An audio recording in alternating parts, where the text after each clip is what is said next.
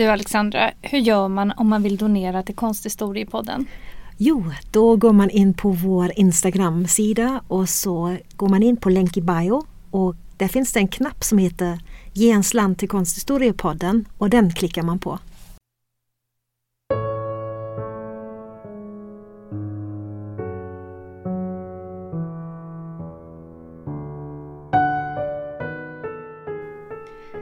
Hej och välkomna till Konsthistoriepodden. Jag heter Alexandra Frid. Och jag heter Alexandra Härlitz och idag ska vi prata om ett konstverk som är det mest samtida verk som vi har talat om hittills. Till vardags så arbetar vi som universitetslektorer i konst och bildvetenskap på Göteborgs universitet och vi har drivit Konsthistoriepodden under ett helt år vid det här laget. Vi har denna gång valt ett verk ur Nordiska akvarellmuseets samlingar då vi har blivit inbjudna av museet att vara del av deras program Guest Studio Sessions denna vår. Vi ska prata om en stor akvarellmålning av konstnären Lars Lerin som heter Fönster mot gården från 2009 och som mäter 140 x 240 centimeter. Verket föreställer en vy mot en husfasad i skymningen med en mängd upplysta fönster i vilka olika personer avbildas. Vi kommer dessutom att prata om Lars Lerins biografi, hans motivvärld och vi kommer att koppla olika kulturhistoriska aspekter till det valda konstverket för att kontextualisera motivet. Vi kommer även att ta tillfället i akt att berätta lite mer om akvarellmediet och dess historia och egenskaper som ju skiljer sig väsentligt från andra medier vad som gäller både tekniken och uttrycket. Akvarellmediet är dessutom ett ämne som våra kollegor i konst och bildvetenskap vid Göteborgs universitet för flera år sedan har haft ett stort forskningsprojekt om, också detta i samarbete med just Nordiska akvarellmuseet. I det här fallet kan vi inte tala om en lång proveniens, alltså en lång ägarhistorik. Verket målades enligt signaturen 2009 och köptes direkt från konstnären i samband med utställningen Kulisser 2014 på Nordiska akvarellmuseet. Sedan dess har verket tillhört museets samlingar. Fönster mot gården är en av flera målningar som har sin utgångspunkt i olika filmer. Målningen är inspirerad av Alfred Hitchcocks film Fönstret åt gården från 1954 och har vissa likheter med stillbilder från denna film. Vi har tagit kontakt med Lars Lerin för att ställa frågor till honom om verket. Han svarade vänligt genom sin presskontakt att han tyvärr avböjde då han ogärna talar om sina konstverk. Därför fick vi göra som vi brukar göra med alla historiska konstverk som vi har pratat om tidigare. Nämligen att leta efter befintligt källmaterial och kontextualisera verket utifrån det.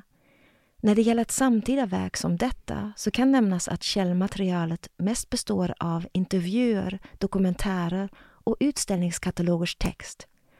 Men vi kan börja med att berätta om konstnären och hans bakgrund. Lars Lerin föddes 1954 och växte upp i Munkfors och Sunnemo i Värmland. Idag bor han på Hammarön utanför Karlstad efter att han i flera år har rört sig mellan Värmland och Norge. Framför allt så har den norska ögruppen Lofoten tidigare varit ett stadigt hem innan han flyttade tillbaka till Värmland år 2000. Lars Lerins konstnärliga utbildning började på Gerlesborgsskolan i Stockholm från 1974 till 75 några år senare, från 1980 till 84, fortsatte han att utbilda sig vid Valands konsthögskola i Göteborg. Samtida studenter var då bland annat Helene och Ernst Billgren. I intervjuer och dokumentärer har Lars Lerin öppet pratat om sitt privatliv som också innefattar hans tidigare missbruk av både tabletter och alkohol. I en intervju i SVTs Min sanning från 2015 berättade han att det var under tiden på Valand som han började bruka tabletter för att komma över sin extrema blyghet och att han under en period levde ett mycket destruktivt liv. Det är kanske förvånande att han även under dessa år var mycket produktiv. 1983 publicerade Lars Lerin sin första bok Utpost och sedan dess har han gett ut över 50 böcker av olika slag till både vuxna och barn på sitt eget förlag Syntryck. Flera av hans böcker innehåller reseskildringar, brevväxlingar och andra reflektioner där hans reproducerade målningar är en viktig del. Likaså innehåller många av hans akvarellmålningar skriven text och dessa textfragment som innehåller bland annat intryck, erfarenheter samt minnen från platser ger målningarna då en viss karaktär av en visuell dagbok. Lars Lerin är en väldigt produktiv konstnär som främst arbetar i akvarell men även i olja och med grafik. Han har ställts ut i ett mångtal separat utställningar, både nationellt och internationellt, sedan det sena 1980-talet. Troligen är det dokumentärfilmen För dig naken från 2012 som har lett till en större publicitet och popularitet av hans person och konstnärskap Filmen har samma titel som en bok som Lerin publicerade 2005 och regissören bakom filmen är Lirins guddotter Sara Bros som är dotter till konstnärerna Karin och Mark Bros. Filmen vann priset för bästa dokumentär på Göteborgs filmfestival 2012. Den positiva kritiken i pressen och det faktum att filmen visades på biograferna över hela landet ledde till stor publicitet för Lars Lerin. Inte minst ger filmskaparen Bros en mycket personlig bild av en sympatisk konstnär och hans sökande efter kärleken som han finner i den brasilianska dansaren Manuel Marquez. Porträttet som ges av Lerin i dokumentären utmärker sig genom den ärlighet med vilken konstnären talar om den långa vägen tillbaka från år av missbruk och konvalescensen av ett brustet hjärta. Lars Lerin är en väldigt folkkär samtidskonstnär i Sverige, vilket de många olika tv och radioprogram som har gjorts om och med honom sedan 2010-talet vittnar om.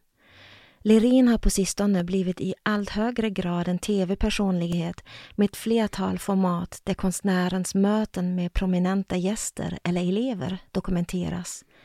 Att han valdes till julvärd 2020 på SVT säger nog en del om Lerins popularitet hos det svenska folket. Redan 2005 invigdes en permanent Lars Lerin-utställning på Laxholmen i Munkfors. Det finns även en konsthall i Värmland vigd till Lars Lerins konstnärskap. Redan 2005 invigdes en permanent Lars Lerin-utställning på Laxholmen i Munkfors.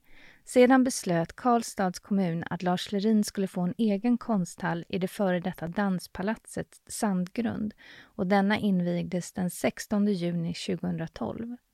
Sandgrund Lars Lerin, som konsthallen kom att heta, har väckt en hel del kritik. Det upplevdes som orättvist att kommunen bara satsade på Lerin och upprättade en permanent utställningslokal enbart åt honom. Detta framförallt efter att Värmlands konstnärsförbund i många år hade drivit frågan om en konsthall där de lokala konstnärerna kunde ställa ut. Men Lars Lerin drar en stor publik. I och med denna konsthall har han fått möjlighet att visa olika verk av sin egen stora produktion samtidigt som det också bjuds in andra konstnärer att ställa ut sin konst i lokalerna. Lerin arbetar inte bara med flera tekniker utan han har även en bred motivkrets där skogs och havslandskap turas om med samhällets husfasader. Både i motiven från glesbygden och storstaden återkommer en liknande tematik som ofta rör ensamhet och utanförskap, men även instängdhet. I flera dokumentärer berättar Lirin om sin ingång till denna motivvärld, om hur misslyckad han kände sig i 20-årsåldern och att han kände sig tvungen att hitta en väg för att få ett existensberättigande. Om hur han började att dokumentera allt han upplevde i Sunnemo, gamla människor, bönderna, skogen och naturen. Det blev som en livsuppgift för honom som han kunde hänga upp sig på samtidigt som det fick honom att glömma sådant som han upplevde som jobbigt. Och hur han samtidigt hade så stor behållning av denna uppgift att han fortsatte med liknande uppgifter. Han reste runt i halva Värmland med sin far och dokumenterade alla gårdar och miljöer han hittade med ord och bild. Det är dessa självvalda uppgifter som verkar prägla hans motivvärld. Under 1980-talet kom han att bli känd för sina målningar av ödehus och landsvägar i vad man skulle kunna förstå som en försvunnen eller bortglömd värld. Låt oss säga någonting om akvarellmåleriet. Traditionellt har man ofta förknippat mediet akvarell med naturen och naturlighet. Detta handlar å ena sidan om de mjuka och diffusa formerna som man kan ta fram med akvarelltekniker som tycks vara särskilt lämpade för naturens färgskiftningar i motiv som himmel, vatten och sol. Å andra sidan handlar det om materialen i akvarellmediet som upplevs som naturliga. Färgpigment som delvis utvinns ur sten och vatten är naturens egna material. Detta har lett till associationer till alkemin, framför allt under romantiken när akvarellmåleriet fick en rejäl uppsving. Man kan läsa om hur konstnärer nästan upplever akvarellmåleriet som magiskt i och med sättet hur färgen på egen hand verkar framkalla motivet på det vita pappret.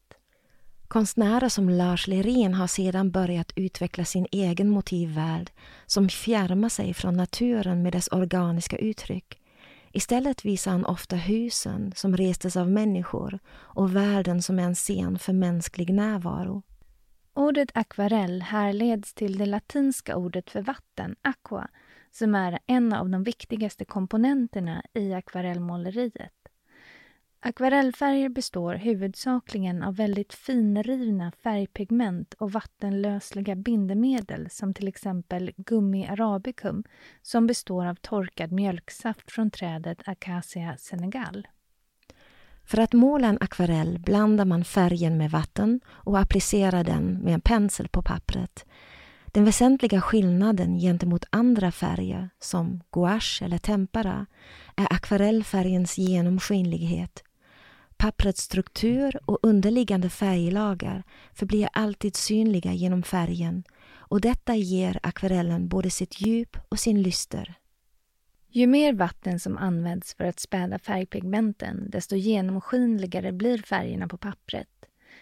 Ett mjukt papper suger upp den vattenblandade färgen medan den ligger kvar om pappret har en hård yta. Ju högre förmåga pappret har att suga upp vattnet, desto blötare kan pappret bli och desto djupare kan färgerna bli som målas på det fuktade pappret. Papprets ytstruktur, eller gräng som den kallas, syns även genom färgen, vilket framhäver akvarellmåleriets typiska genomskinlighet ännu mer.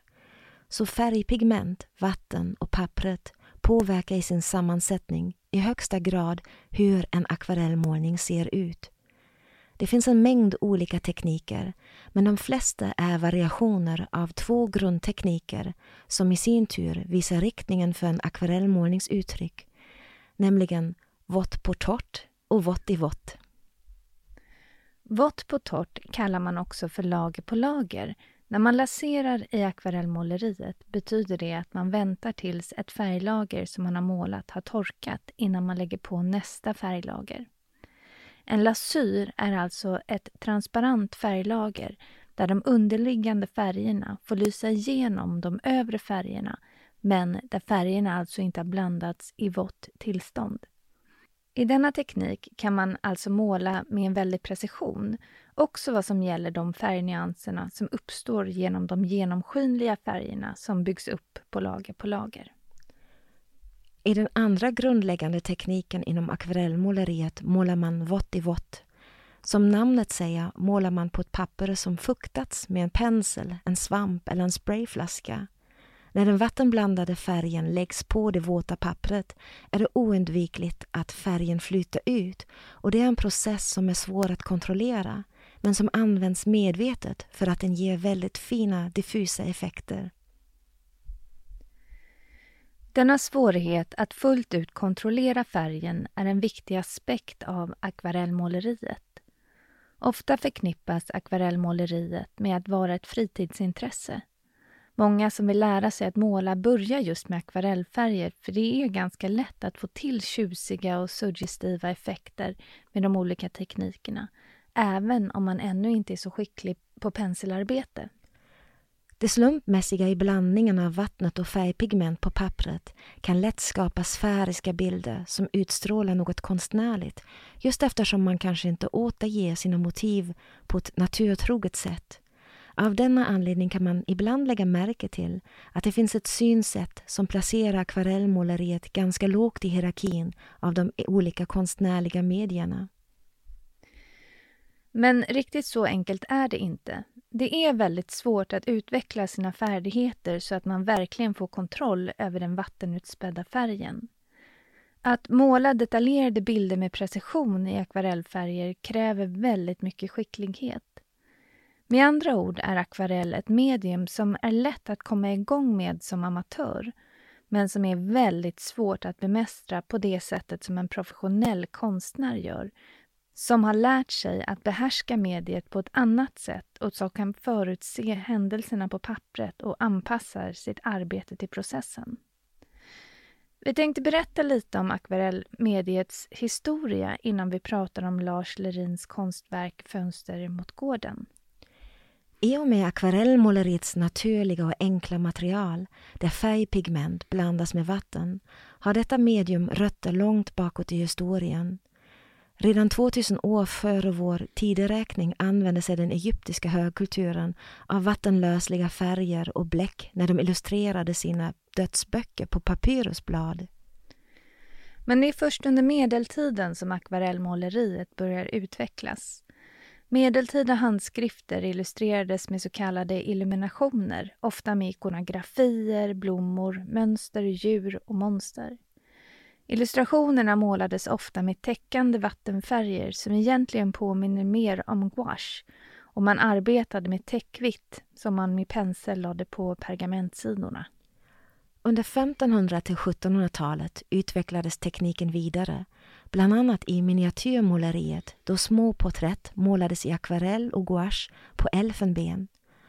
Under 1500-talet upptäcker konstnärer som till exempel den unga Albrecht Dürer i Sydtyskland vilka möjligheter akvarellmåleriet erbjuder när han tecknade sina naturstudier med pensel och blandade akvarell och gouache när han färglade dessa. Akvarellen var dock inte ett rent konstnärligt medium utan användes även för andra typer av bilder. Under 1700-talet, med dess nya intresse för naturvetenskaper, ser vi många vetenskapliga illustrationer som kolorerades med akvarellfärg. Ofta var forskarna skickliga tecknare som själva tecknade sina botaniska eller zoologiska objekt, medan koloreringen med akvarellfärger lämnades till någon annan. Inte sällan var det kvinnor som färglade de vetenskapliga illustrationerna. Historiskt sett har akvarellen alltså inte enbart setts som ett medium med vilket man kunde skapa atmosfäriska och sublima konstnärliga bilder, utan den har även blivit anlitad som praktiskt hjälpmedel för att visualisera vetenskaplig fakta. På grund av denna funktionella karaktär kunde akvarellmåleriet ofta anses tillhöra de så kallade minor arts, alltså en konstart som inte renodlat tillhörde de så kallade sköna konsterna, som oljemåleriet till exempel. 1700-talet blev århundradet för akvarellkonstens stora uppsving, framförallt i England. Och i slutet på 1700-talet kan man köpa färdiga akvarellådor. Sådana kom att bli populära och många resenärer hade med sig dem i bagaget. Det var ju en tid då till exempel många unga män från överklassen i hela Europa gav sig ut på en så kallad Grand Tour, alltså en traditionell resa som ofta kunde pågå i flera år och som hade ett utbildningssyfte. Sådana Grand Tour-resor var särskilt populära från cirka 1660-talet till cirka 1840-talet och de sågs som en övergångsrit till vuxenlivet för unga gentlemän. Under resans gång dokumenterade man platser som besöktes med hjälp av den medhavda akvarellådan. I längden kom detta att öka intresset för akvarellmåleriet och stärkte akvarellens status i den brittiska överklassen.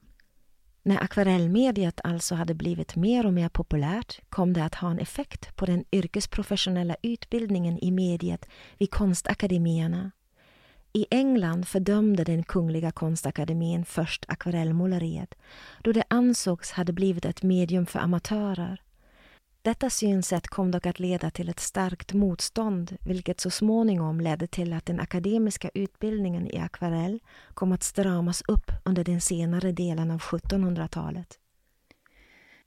I England kom akvarellmåleriet länge att inneha den starkaste ställningen i Europa vilket ytterligare främjades genom den berömde målaren Joseph Mallard William Turner som experimenterade med akvarellmediet och dess möjligheter.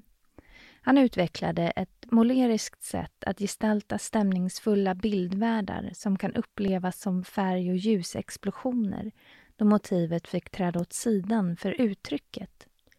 Historiskt sett hade akvarellmåleriet länge en undanskymd position inom det officiella konstlivet i Europa. Men när det på världsutställningen i Paris 1855 visades 114 akvareller i den engelska paviljongen kom det att ha avgörande betydelse för akvarellmediets status och spridning. Den franska konstkritiken i 1800-talets konstcentrum Paris började nu att uppmärksamma akvarellen. Mediets nya publicitet i konstvärlden ledde allt eftersom till ett större intresse bland yrkesprofessionella konstnärer att använda sig av detta medium. Detta lägger vi även märke till i den svenska konsthistorien där vi ju har en stark akvarelltradition med tunga namn på skickliga akvarellister framförallt på 1800-talet och det tidiga 1900-talet såsom Anders Zorn, Carl Larsson och John Bauer på 1880-talet utbildade sig Anders Zorn i akvarelltekniken i London och Carl Larsson började använda sig av akvarellmediet i konstnärskolonin i Gressolouin i närheten av Paris. Men det svenska akvarellmåleriet hade förstås även senare betydelsefulla representanter som utvecklade mediet vidare. Här bör Arne Isaksson nämnas, vars gärning som lärare i detta medium måste uppmärksammas. Det var Isaksson som 1944 grundade Gällesborgsskolan i Bohuslän med en filial i Stockholm som tillkom 1958. Dessutom var han även en av initiativtagarna till grundandet av Nordiska akvarellmuseet i Skärahamn på Tjörn. Arne Isaksson var en konstnär som är känd för sitt experimenterande med akvarelltekniken. Han intresserade sig exempelvis för färgpigmenten och utifrån förståelsen av pigmentets egenskaper utvecklade han bland annat en teknik som kallas för akvarellmonotopi. I denna teknik lägger man akvarellfärg på och mellan tunna pappersark som på grund av sin hårda yta har bara lite absorptionsförmåga vilket tillåter konstnären att gå in och styra processen och fördela färgen med ett annat papper under torkningsprocessen. Anne Isaksson utvecklade denna teknik ytterligare med glasskivor och skapade på så sätt även akvarellmålningar som var laminerade i glas eller plexiglas. Sådana införlivade han så småningom även i skulpturer. I samarbete med skulptören Paul Svensson skapade han på så sätt skulpturer i bohusgranit med glaslaminerade akvarellmålningar som exempelvis verket Pålarna i Fjällbacka från 2009. 1983 blev Isaksson professor i akvarellteknik och han skrev läroböcker i både olje och akvarellmåleri. I den stora elevskaran som gick sin utbildning för honom fanns bland annat Lars Lerin och hans konstverk Fönster mot gården ska vi nu äntligen rikta fokus på. På de stora pappersarken framför våra ögon breder en monumental vägg ut sig med ett stort antal fönster det är flera hus som sitter bredvid varandra vars tegelfasader vi ser på. Ovanför den vänstra byggnaden, som är lite lägre till sin höjd, ser vi vid horisonten en stor stad som tornar upp sig med sina höga skyskrapor. Hela himlen är färgad i ljusa orangea toner som suggererar värme och plockar upp de varma tonerna som finns i fönsterrutorna medan fasaden annars domineras av ganska mörka, bruna och svartgråa nyanser. Traditionellt sett är svärtan som målningen uppvisar på sina håll ganska ovanlig då akvarellmåleriet förknippas med genomskinlighet och ljusa färger. Men nu för tiden ser vi den mörka färgskalan och även svärtan hos Lars Lerin och andra konstnärer som verkar bryta med dessa traditionella föreställningar. Vår blick möter husen i höjd med de upplysta fönsterraderna vilket får oss att förstå att vi befinner oss i ett hus mitt emot, ungefär på samma höjd. På sätt och vis befinner vi oss alltså bakom ett sådant fönster. När vi vandrar med vår blick över fasaderna ser vi att det finns olika sorters fönster. En del av dem är upplysta och bjuder oss på en klar syn som liknar stillbilder från filmer. Aktörerna är ljussatta som på en teaterscen och genast börjar vårt nyfikna öga att leta efter olika handlingar eller historier som kan finnas bakom glasrutorna. En del av fönstren som vårt öga vandrar över är rätt mörka och vi försöker urskilja detaljerna. Andra lägenheter är helt nedsläckta och vi kan inte skönja vad som gömmer sig i mörkret eller bakom de föredragna gardinerna. Om vi börjar med de ljusa fönstren i målningen som är betonade genom ljus, färgval och figurernas tydlighet så ser vi på den översta våningen i det lägre huset på vänstra sidan av målningen en man som lutar sig ut genom fönstret. Alla figurers kroppar är tydligt definierade medan ansikten är knappast antydda. Så vi ser inte om man ser ner mot grannarna som står ute på en balkong i huset bredvid eller om man tittar ut mot gården. Paret som står ute på balkongen ser ut som om de pratar om något. I ljuset genom fönstret bredvid ser vi en person som rör sig bakom persiennerna. Snett ovanför paret på balkongen ser vi en ensam kvinna som sitter vid ett bord. Hennes kropp är upplyst, men rummet bakom henne ligger i mörkret. Två trappor upp, snett till höger, skönjer vi en ensam man i ett starkt upplyst rum. Han verkar bära kavaj och skjorta och hålla i något odefinierat. I fönstret ovanför honom ser vi ett festklätt par som står precis invid fönstret. Vi ser en storvuxen man med mustasch och möjligtvis skägg som bär en svart smoking med fluga och som ser mot kvinnan bredvid honom. Hon är klädd i en petrolfärgad fodralklänning. På samma våning, i fönstret bredvid det finklädda paret, ser vi en figur vars kropp ser ut att ha kvinnliga former som befinner sig i ett starkt upplyst rum med varma, orangea och gula toner bakom henne. Hon verkar sträcka sig efter något, eventuellt ett skåp, då hennes blick är riktad åt sidan. I huset bredvid, men en trappa ner, ser vi en man och en kvinna i vad som verkar vara ett väldigt intimt ögonblick. De omfamnar och kysser möjligen varandra. Två våningar nedanför kärleksparet ser vi två figurer i ett fönster. Till synes är det en man som bär en kvinna. Och det skulle kunna vara en kärlekshandling men kan lika gärna uppfattas på ett helt annat sätt. Nästan som att han försöker kasta ut henne ur fönstret. Och i detta fönster visar sig kanske tydligast en tematik för målningen. Vi vet inte exakt vad som försiggår bakom fönstren. Vi ser, men vi har inte hela kontexten. Vi ser, men vi vet ändå inte, då det som försiggår kan uttrycka sig visuellt mångtydigt. Lars Lerin tycker om att arbeta med bilder i bild, vilket han återkommer till. När han radar upp de olika scenerna i de enskilda fönstren förstärks intrycket av en filmsekvens medan vi ändå inte får ihop en hel historia när vi lägger ihop rutorna. Om vi tittar närmare på bildens komposition så ser vi att den består av två akvarellpapper som har fogats ihop vilket alltså skapar ett jättestort verk för att vara akvarell. Lars Lerins bilder har vuxit i dimensionerna med tiden och de största pappersformaten är många gånger inte tillräckligt stora för hans akvarellmåleri. Många gånger lägger han ihop sina bilder så att det blir monumentala collage vilket går emot idén om de traditionellt nätta dimensionerna som akvarellmåleriet förknippas med. Det collageaktiga understryks även av verkets form och komposition.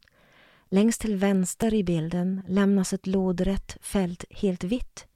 Vi ser att den orangea storstaden i bakgrunden drar sig till papprets yttersta kant medan förgrunden lämnar en vit yta där motivet inte ligger i paritet med den övre delens bildkant.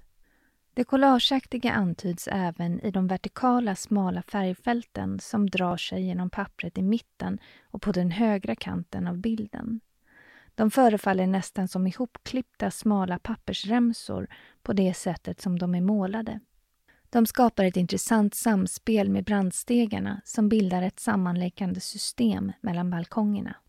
Det skulle kunna vara abstraherade former som antyder ett mellanrum i byggnaden Kanske en öppen lufttrumma som gör att lägenheterna får ljusinsläpp även på sidorna.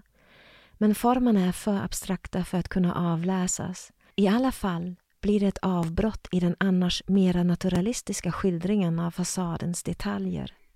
Liknande abstraherade former ser vi i skärningspunkterna mellan husen och den orangea skylinen i bakgrunden. I dessa mera abstrakta färgränder som utgör ett brott i det naturalistiska formspråket förefaller hans konstverk som sammanfogade fragment. I Lars Lerins Fönster mot gården ser vi hur han använder olika akvarelltekniker. Det är de större ytorna som verkar vara laverade, alltså målade med mycket vatten, medan detaljerna, som kräver större precision, är målade med mindre vatten och på en torr grund. Himlens diffusa och skiftande orangea färg är målad vått i vått. Likaså ser de underliggande nyanserna av brunt och gråsvart som vi ser i husens tegelfasader ut att vara målade vått i vått medan de många små tegelstenar som antyds i fasaden ser ut att vara målade på den torkade färgen som laserande lager. Även i fönstren ser vi hur Lerin laborerar med de olika teknikerna. I vissa fönster ser vi rätt diffusa former där vi ändå kan ana vad som försiggår. Till exempel längst ner till vänster i fönstret som är blått upplyst. Där verkar en mörk siluett av en människa se på TV. De något ojämna konturerna pekar på att mycket vatten användes när detta fönster målades. De upplysta fönstren, till exempel de i vilka vi ser paren, krävde en större precision och där är färgen inte lika utspädd utan vi ser tydliga och skarpa konturer som har åstadkommits med mindre vatten och mer färgpigment. Det vill säga färgen har lagts laserande på den torra färgen. Lerin skiftar mellan det mer realistiska och det skissartade och laborerar skickligt med de olika teknikerna i sina verk.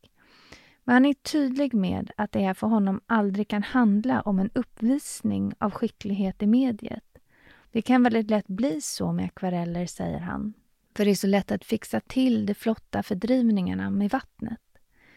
Men sådana tekniska uppvisningar försöker han alltså motarbeta. Längst ner i målningen ser vi en text skriven i vit krita med skrivstil. Kanske är det inte mening att det ska vara läsbart för oss alla. I vissa partier går texten in i teglets struktur och blir oläslig. Samtidigt anknyter den skrivna texten utifrån storleken och de raka raderna till teglets struktur och plockar således upp formspråket. Till en början kan man missa skriften och uppfatta den som en av de partierna där konstnären på varierande sätt antyger tegelstenarna i fasaderna. När man väl har upptäckt den handskrivna texten så börjar man nästan tro att det finns flera handskrivna partier i målningen. Bara för att upptäcka att det är rader av småskaligt antydda tegelstenar i fasaden. Man kan identifiera enskilda ord som Rhodos, den grekiska ön, vilket får oss att tänka att texten, likt Lerins böcker, innehåller en form av associativa tankar. Kanske är det personliga minnen av andra platser som genom den skrivna texten förs ihop med bilden. Bilden har ett suggestivt bildspråk. Vi känner genast värmen av en sommarkväll och kan föreställa oss att solen har dalat mot den orangea kvällshimlen.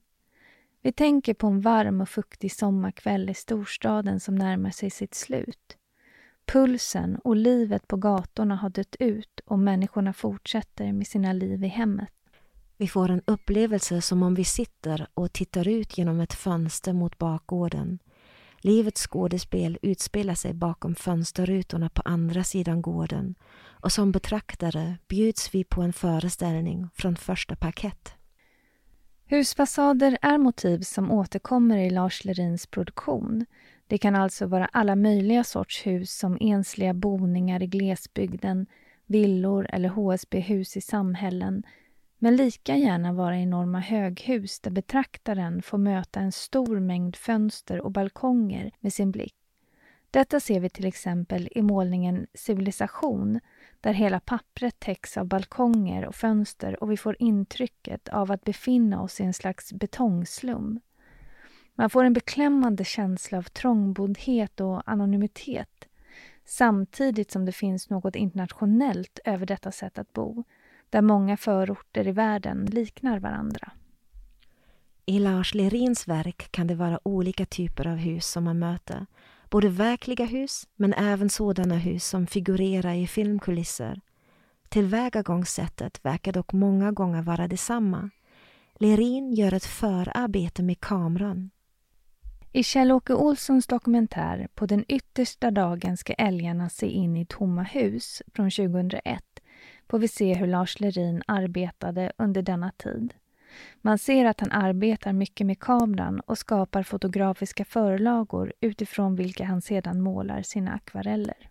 I dokumentären ser vi honom strosande med kameran genom Munkfors i kvällsljus och han berättar att han inte är så intresserad av de soliga fina dagarna utan att han hellre går ut när det är mörkt och grått, gärna på kvällarna. Han berättar att han vill förmedla tyst dramatik i bilderna och att han nästan blir störd när folk går förbi, att det stör den där tystnaden som han vill ha. Lerin berättar i dokumentären att han efter att ha målat glesbygden och ensliga boningar ganska mycket försökte sig på att måla någonting från en stad och att det ledde till en resa till Oslo där han åkte runt i en taxi och stannade lite här och var för att fotografera motiv i staden. Återkommande i dokumentären är det husfasader som han nämner, spöklika husgavlar och känslan att husen ser på en. I dokumentären berättar Lerin att han är en skräckfilmsentusiast som älskar otäcka filmer och att han gärna lånar från filmerna. Han säger att det är den dramatiska ljussättningen i dessa filmer som fascinerar honom. Även filmtittandet sker med kameran i högsta hugg och man får se hur Lerin pausar videobandet och fotar av en scen från tv-skärmen. I ett nästa steg lägger han dessa fotografier på kopiatorn och bearbetar och målar sedan av dem. Utan att veta exakt hur Lars Lerin arbetade med motivet som vi ser i Fönster mot gården tror vi att det har gått till på ett liknande sätt. Konstverkets titel är nära den svenska titeln på Alfred Hitchcocks mysteriefilm Rear Window från 1954 som alltså på svenska heter Fönstret åt gården. Filmen är baserad på Cornel Woolrichs novell It had to be murder från 1942. I denna film spelar James Stewart rollen som fotografen L.B. Jeff Jeffries som har brutit benet och är bunden till en rullstol samt därmed fast i sin lägenhet i Greenwich Village på Manhattan. Eftersom hans fönster vette mot en bakgård börjar den uttråkade Jeff under sommarens sedvanliga New York värmebölja att följa sina grannars liv med ett mycket stort intresse. Grannarna får smeknamn av Jeff. En ung dansös kallar han till exempel för Miss Torso och en ensam kvinna döper han till Miss Lonely Hearts. Men det är framförallt det ofta grälande paret som bor i lägenheten mittemot som fångar hans intresse. Nämligen den resande smyckesförsäljaren Lars Thorwald och hans sängliggande fru. Den ofrivilligt isolerade Jeff blir mer och mer besatt av sina grannars liv och iakttar dem ständigt, bland annat med sina professionella kameraobjektiv. Under ett episkt åskväder tror sig Jeff höra en kvinna som skriker och ljuden av krossat glas. När han sedan vaknar till av en åskknall tror han sig se Thorwald rengöra en kniv och en såg. Nästa dag syns Thorwalds sängliggande fru inte längre till och under de följande dagarna som filmen handlar om lägger Jeff ihop ledtråd efter ledtråd som kan leda till bevis att Thorwald mördade sin fru.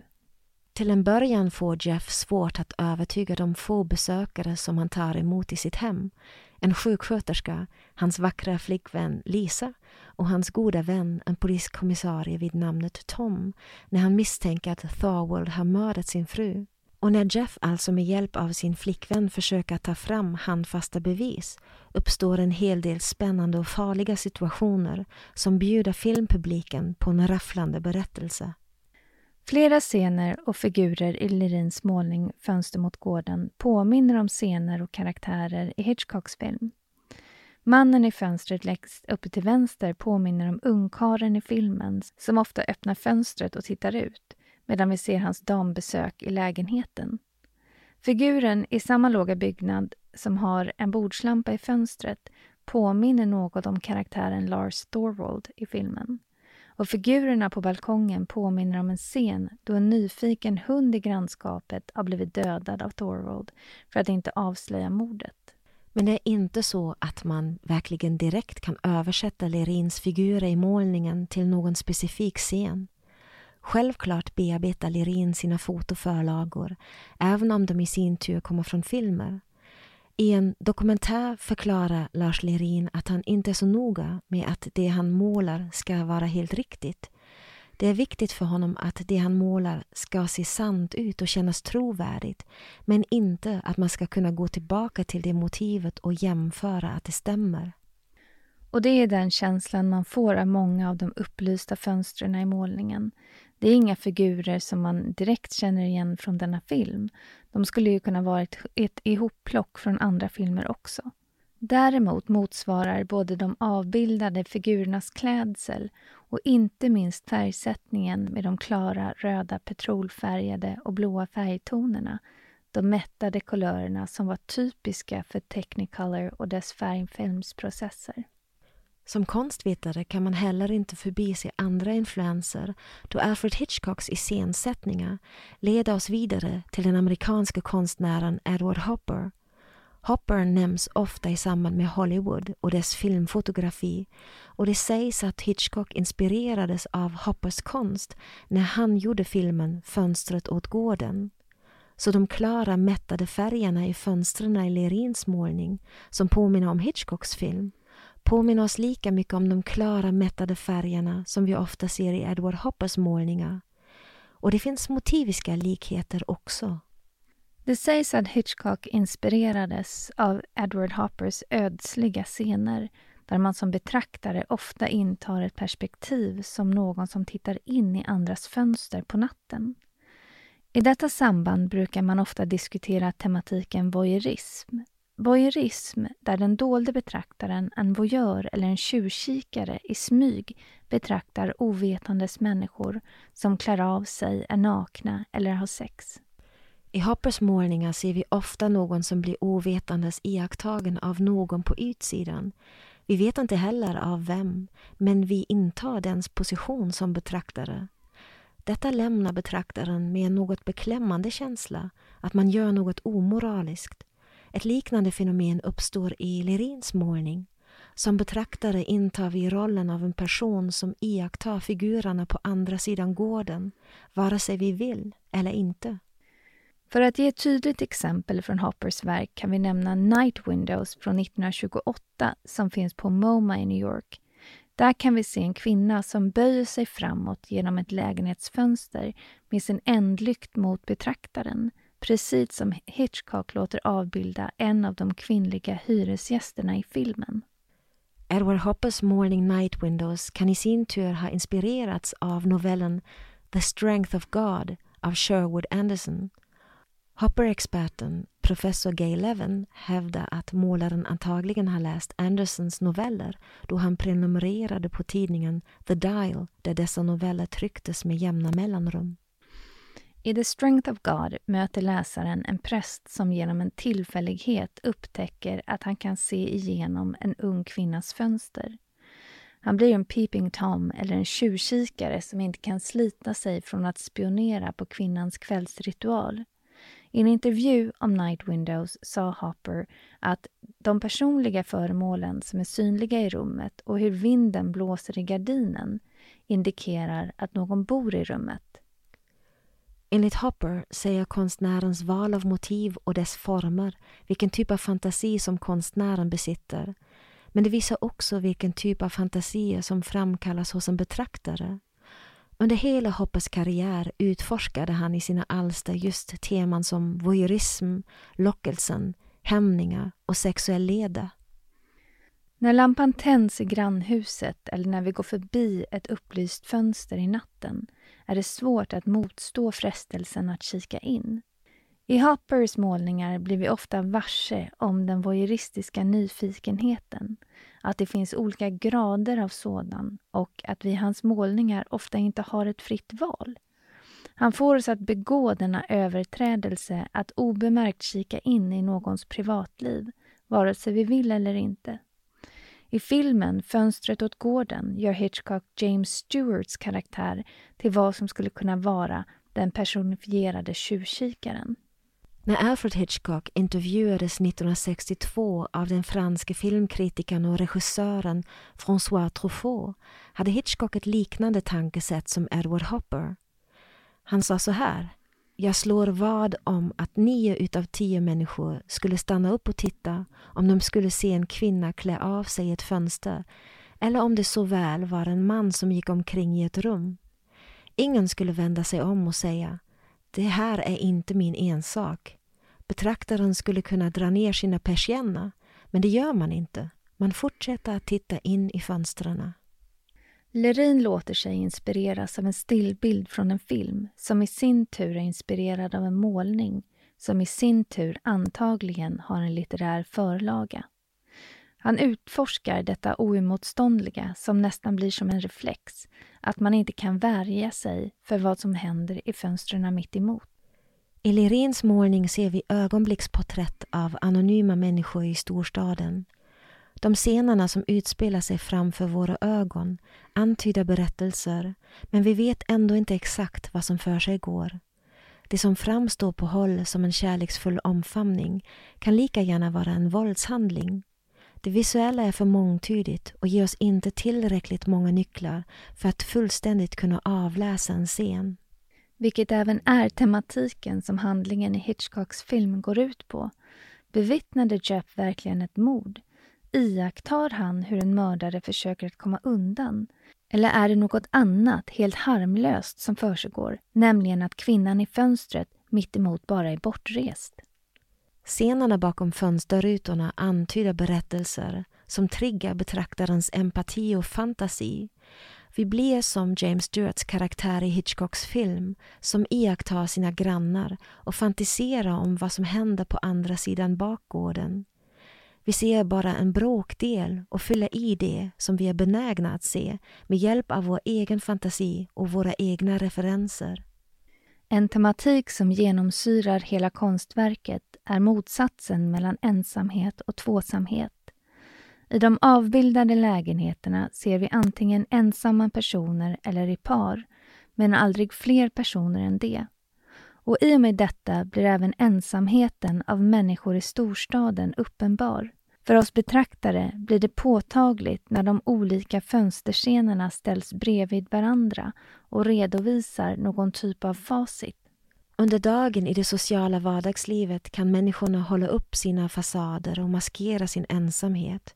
Men när de står eller sitter själva i sina hem är det som att betraktaren får en inblick i avigsidan, i det mest personliga, i sanningen som ingen kan dölja.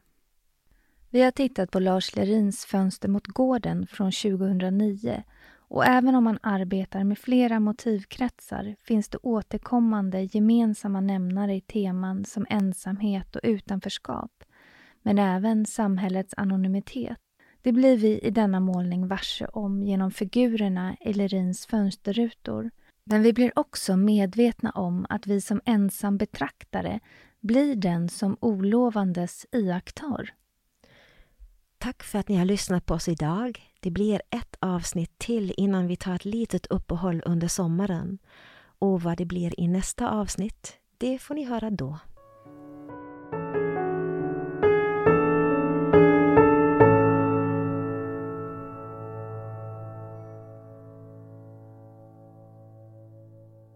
Konsthistoriepodden görs i samverkan med Göteborgs universitet och stiftelsen Gustav Adolf Bratts föreläsningsfond.